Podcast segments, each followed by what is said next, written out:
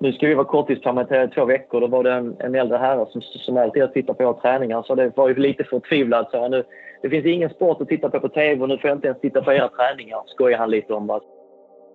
Tittar jag på våra ungdomar här ute så är ju fotbollen livsviktig. Det är ju viktigare än någonting annat i deras liv. Det är, det är ju det, det är där de kommer lyckas. Det pågår en pandemi som inte har undgått någon. I tider som dessa blir självfallet en företeelse som fotboll mindre viktig. Så att EM, Champions League och de nationella serierna är uppskjutna, det är något vi kanske kan leva med. Eller är det så att fotbollen blir extra viktig i tider som dessa? För runt om i Sverige pågår trots allt en fotbollsverksamhet lite i skymundan, där barn, ungdomar och vuxna på olika sätt fortsätter att träna och spela. Så hur gör en breddförening med stort samhällsengagemang när en pandemi härjar? Och hur ska en elitklubb i herrallsvenskan förbereda spelarna för en säsongstart som ingen vet när den blir av? I samma veva som truppen permitteras. Med oss i det här avsnittet av Magasinet Fotbollpodden har vi Jimmy Högberg, fystränare i Örebro SK, som berättar om hur hans lag bedriver en verksamhet i oviss väntan. Vi pratar också med Patricia Daoudi i IFK Trollhättan om hur hennes förening gör med alla sina åtaganden även utanför fotbollen. Välkomna till ett nytt avsnitt av Magasinet Fotbollpodden. Jag heter Juan Martinez.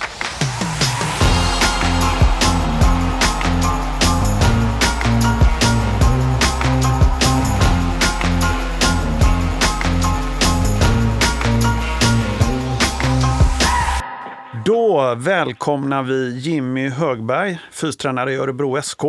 Tack så mycket. Och Patricia Daud, verksamhetsansvarig i IFK Trollhättan.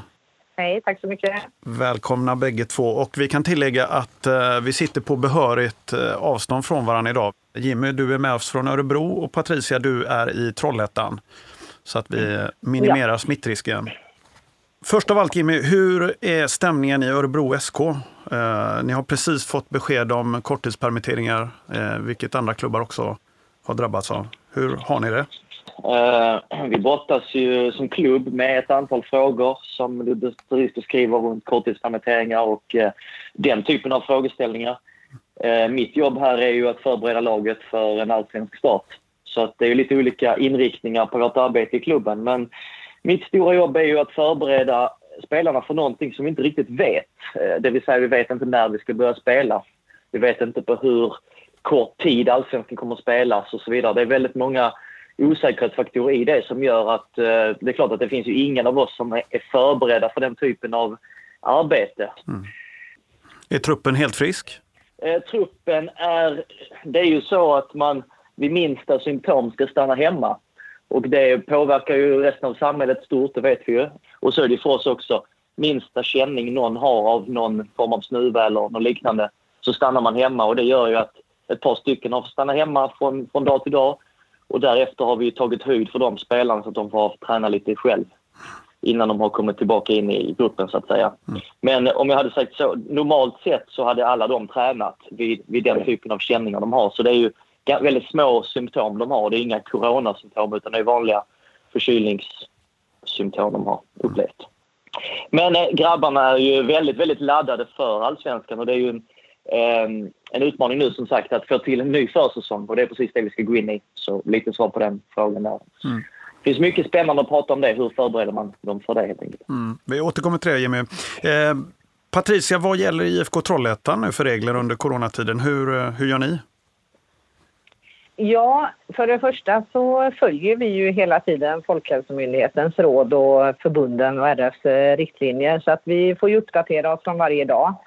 Eh, vi har ju ställt in alla våra inomhusträningar och, och flyttar ut lagen och det har ju vanligtvis så flyttar inte ungdomslagen ut riktigt så tidigt så att det har ju varit en omställning bara där att få till lite spelscheman och att alla får minst en träningstid i veckan och lite så.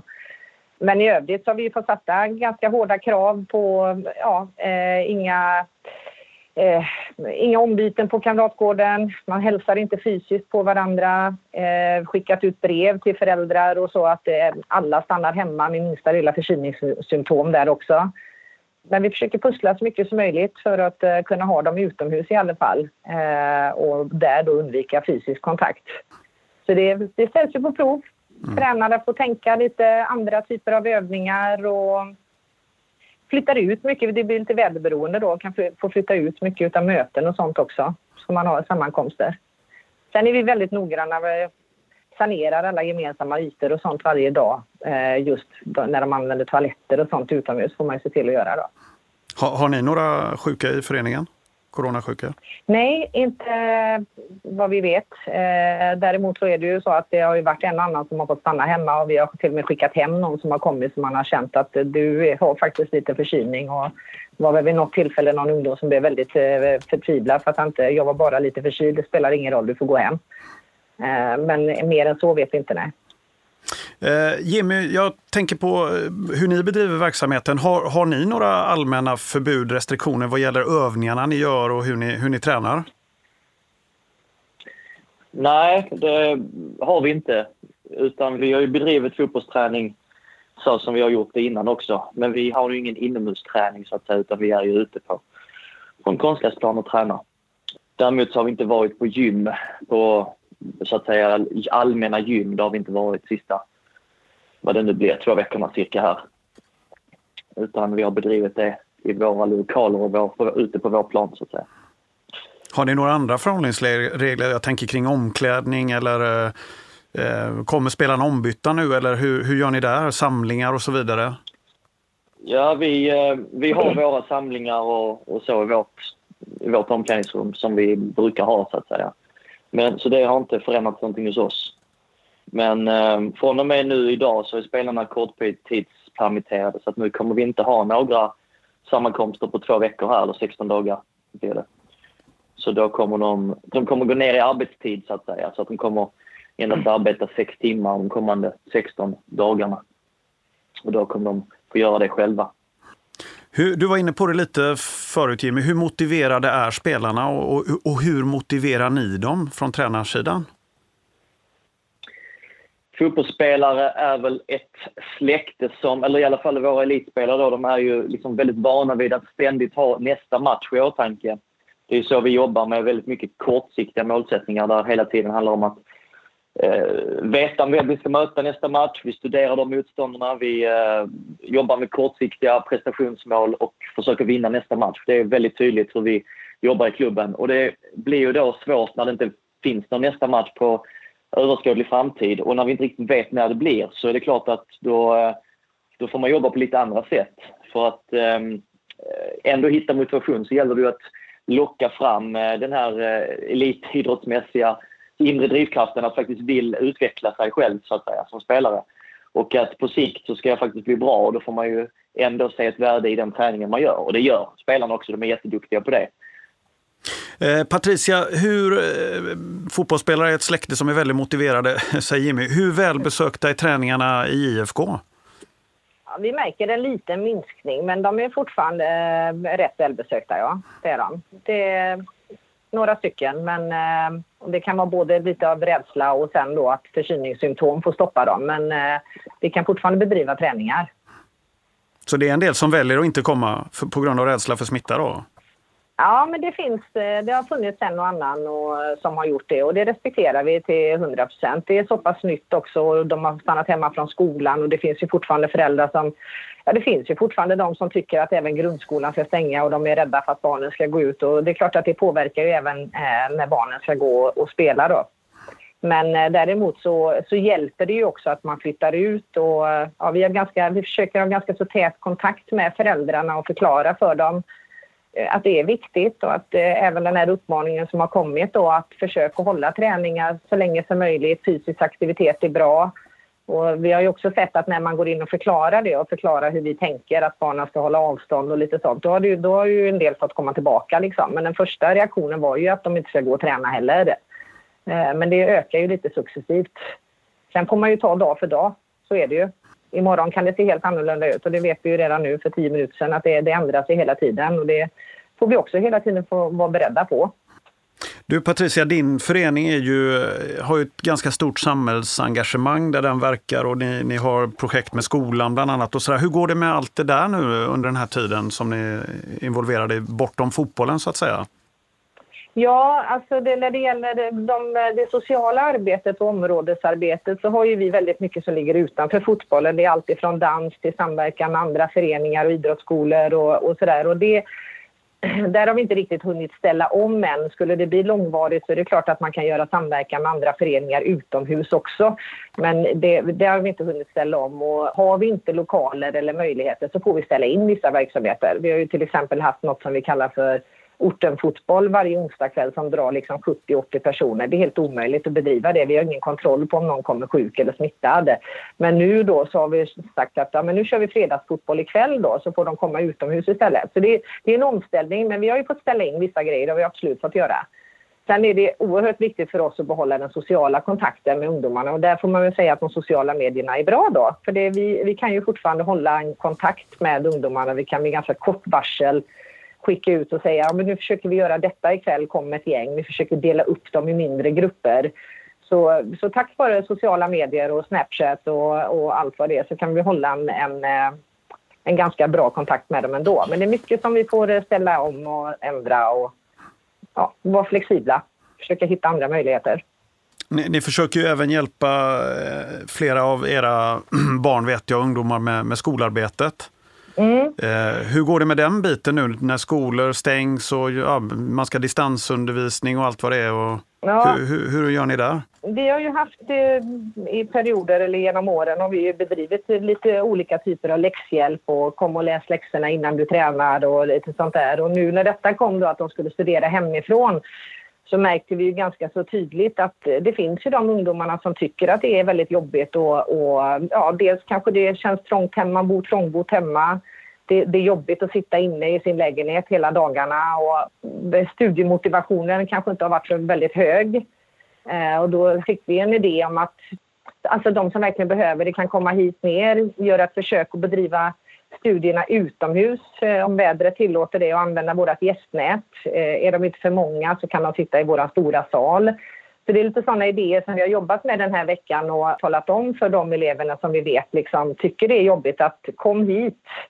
Eh, men det är också en dialog som man måste ha med skolan hela tiden så att man inte riskerar att klampa in i någonting som, som förstör. Och, ja, jag har pratat med någon rektor här om att vi finns behjälpliga och sen är det väldigt mycket eget ansvar hos eleverna. Så det som ligger utanför när de är uppkopplade, det kan de definitivt komma hit och kanske få lite hjälp med och, och få chansen att sitta ute istället.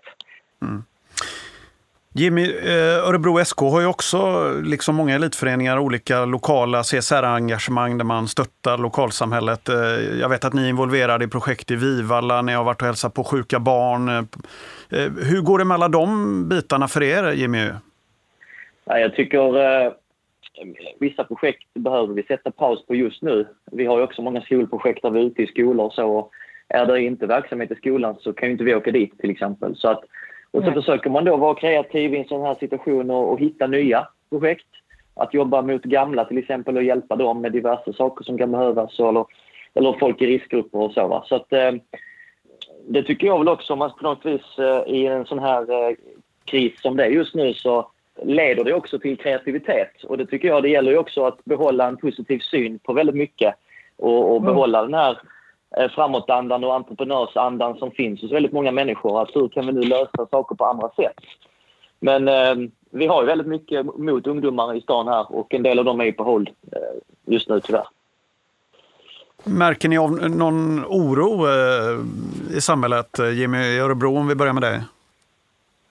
Alltså det man kan säga är oro. Alltså många, jag kommer i kontakt med folk för att de saknar fotbollen. Liksom. Vi har ju supportrar som jag tittar på våra träningar varje dag och nu, nu ska vi vara korttidspermitterade i två veckor. Då var det en, en äldre herre som, som alltid har tittat på våra träningar så det var ju lite förtvivlad. Så nu, det finns ingen sport att titta på på TV och nu får jag inte ens titta på era träningar, skojar han lite om. Så att, på så vis så finns det ju, det finns ju ett behov hos människor att, att följa sport och att vara involverade i sport. Vi vet den kraften som som fotbollen har i samhället och den, den glädjen det ger. Va? Så det är ju viktigt att komma ihåg också. Vad, vad, säger du Patricia, är det, är det så att fotbollens sociala betydelse kanske är ännu större nu än innan corona?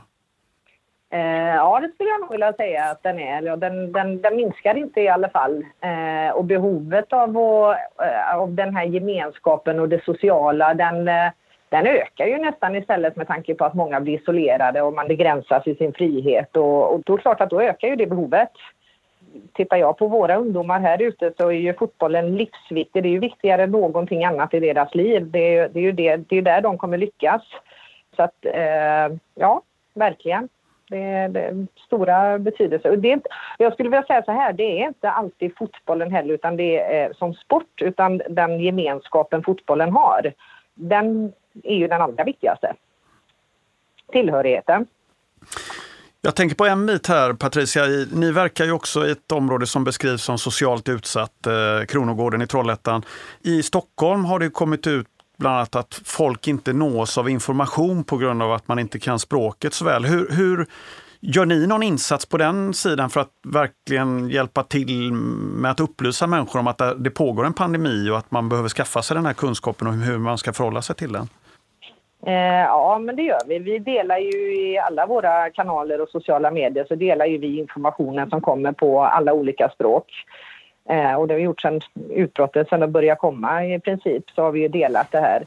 Och pra, som sagt pratar väldigt, väldigt mycket med folk eh, om eh, skillnaden med att följa de här råden slaviskt och ändå bara tänka liksom med lite förnuft. Eh, det har vi också fått göra. Sen är det ju så att många förstår ju också, men det är ju inte alltid man kan göra så mycket åt det med tanke på att man då kanske bor trångbott och lite sånt. Så att det, vi försöker hjälpa till med det mesta. Eh, och det är också en anledning till att man tycker att det är ganska skönt att så länge vi kan bedriva någon form av utomhusverksamhet eller att folk kan komma ut så kan det ju underlätta lite grann det med. Jimmy, jag, jag frågar dig, om det nu skulle bli en nedsläckning eller om man säger så här att en väldigt, väldigt stark begränsning av folksamlingar eh, där vi knappt får vara var mer än eh, två personer samtidigt. Hur kan man göra då? Precis. Det är ju att ha samlingar i gruppen, precis som jag tyckte du beskrev väldigt bra sist, det är ju inte minst viktigt för just att ha något gemensamt så att säga. Men sen så finns det ju den här aspekten av att faktiskt också vara fysiskt aktiv. Och om jag då inte kan vara det i grupp så att säga, då måste man ju försöka hitta möjligheter att träna själv helt enkelt. Och träna hemma eller träna i sin trädgård eller liknande. Och då, då får man försöka skaffa sig ett program för det helt enkelt. Som i, i vårt fall, som är fotboll, så gäller det att hitta ett lämpligt program för fotboll via Youtube eller via någon app eh, eller via sin, liksom, den klubben man har som hjälper en med ett program så man kan göra det hemma. Och helst ha både tekniska moment i det med bollen men också fysiska moment med hoppa och landa och, göra lite accelerationer och inbromsningar och så. Eh, en avslutande fråga till er bägge. Eh, kort, kort svar. Jimmy, hur tror du att fotbollen kommer må efter corona? min eh, förhoppning och vad jag, vad jag, tror ändå är ju att när det väl drar igång det här, nu pratar jag om allsvenskan och de här ligorna runt om i Europa och världen. När det väl startar då tror jag att alla har en sån där hunger att man inte har varit på fotboll på länge. Nu jäklar, nu ska vi gå man och huse och gå och titta på matcher och följa våra lag. Det, det är vad jag tror. Jag tror det finns ett uppdämt behov av det och att folk vill. Så att det kommer finnas ett väldigt stort intresse. Det är vad jag tror. Vad säger du Patricia? Ja, men jag, jag håller nog med där. Man kommer vara lite svältfödd här och man kommer eh, förhoppningsvis gå man ur huset och stötta sina föreningar. Sen tror jag att vi kommer ha man kommer nog ha mycket att göra och det är ute i breddföreningar och det kommer vara tufft för många föreningar och även för elitfotbollen självklart. Men eh, jag tror och hoppas på att man har fått en eftertanke också i det här och att man eh, stöttar varandra och går verkligen ut och tittar på sin fotboll. Man kommer längta efter fotbollen. Patricia Doud, IFK Trollhättan, Jimmy Högberg, Örebro SK. Stort tack för att ni medverkade i Magasinet Fotboll-podden. Tack så mycket. Tack så mycket för att eh, vi fick vara med. Du har lyssnat på Magasinet Fotbollpodden med mig, Juan Martinez. Med oss har vi haft Jimmy Högberg, fystränare i Örebro SK och Patricia Daoud, verksamhetsledare i IFK Trollhättan.